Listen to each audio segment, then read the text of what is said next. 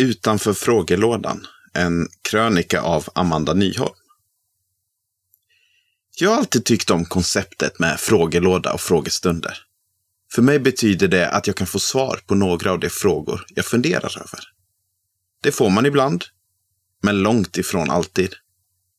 För några veckor sedan satt jag och några vänner och diskuterade olika frågor vi hade kring saker i livet och varför vissa saker är på ett visst sätt.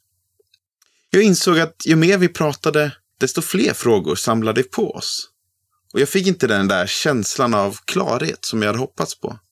Men det häftiga var att jag istället fick en annan, djupare klarhet. Och trots att frågorna växte så kände jag också en inre frid.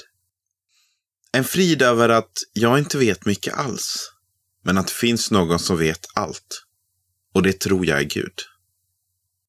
Det finns en som vet allt, eftersom han inte bara lever i min frågelåda, utan också utanför den.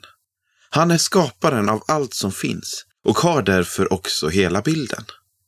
Han som har konstruerat allt vet hur det är uppbyggt, eftersom han har gjort det från grunden. Med övertygelsen om att Gud har koll blir det inte lika viktigt för mig att försöka ha koll.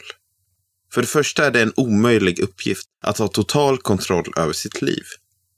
Men viktigare är att Gud förtjänar att få det förtroendet från mig. Att jag ser honom som den som har kollen. Sen tror jag att det är utvecklande att ha frågor och att ställa dem. Men ibland upplever jag att jag går in i samma återvändsgränd om och om igen. Det finns då en frid i att Gud vet och att jag får lämna det till honom.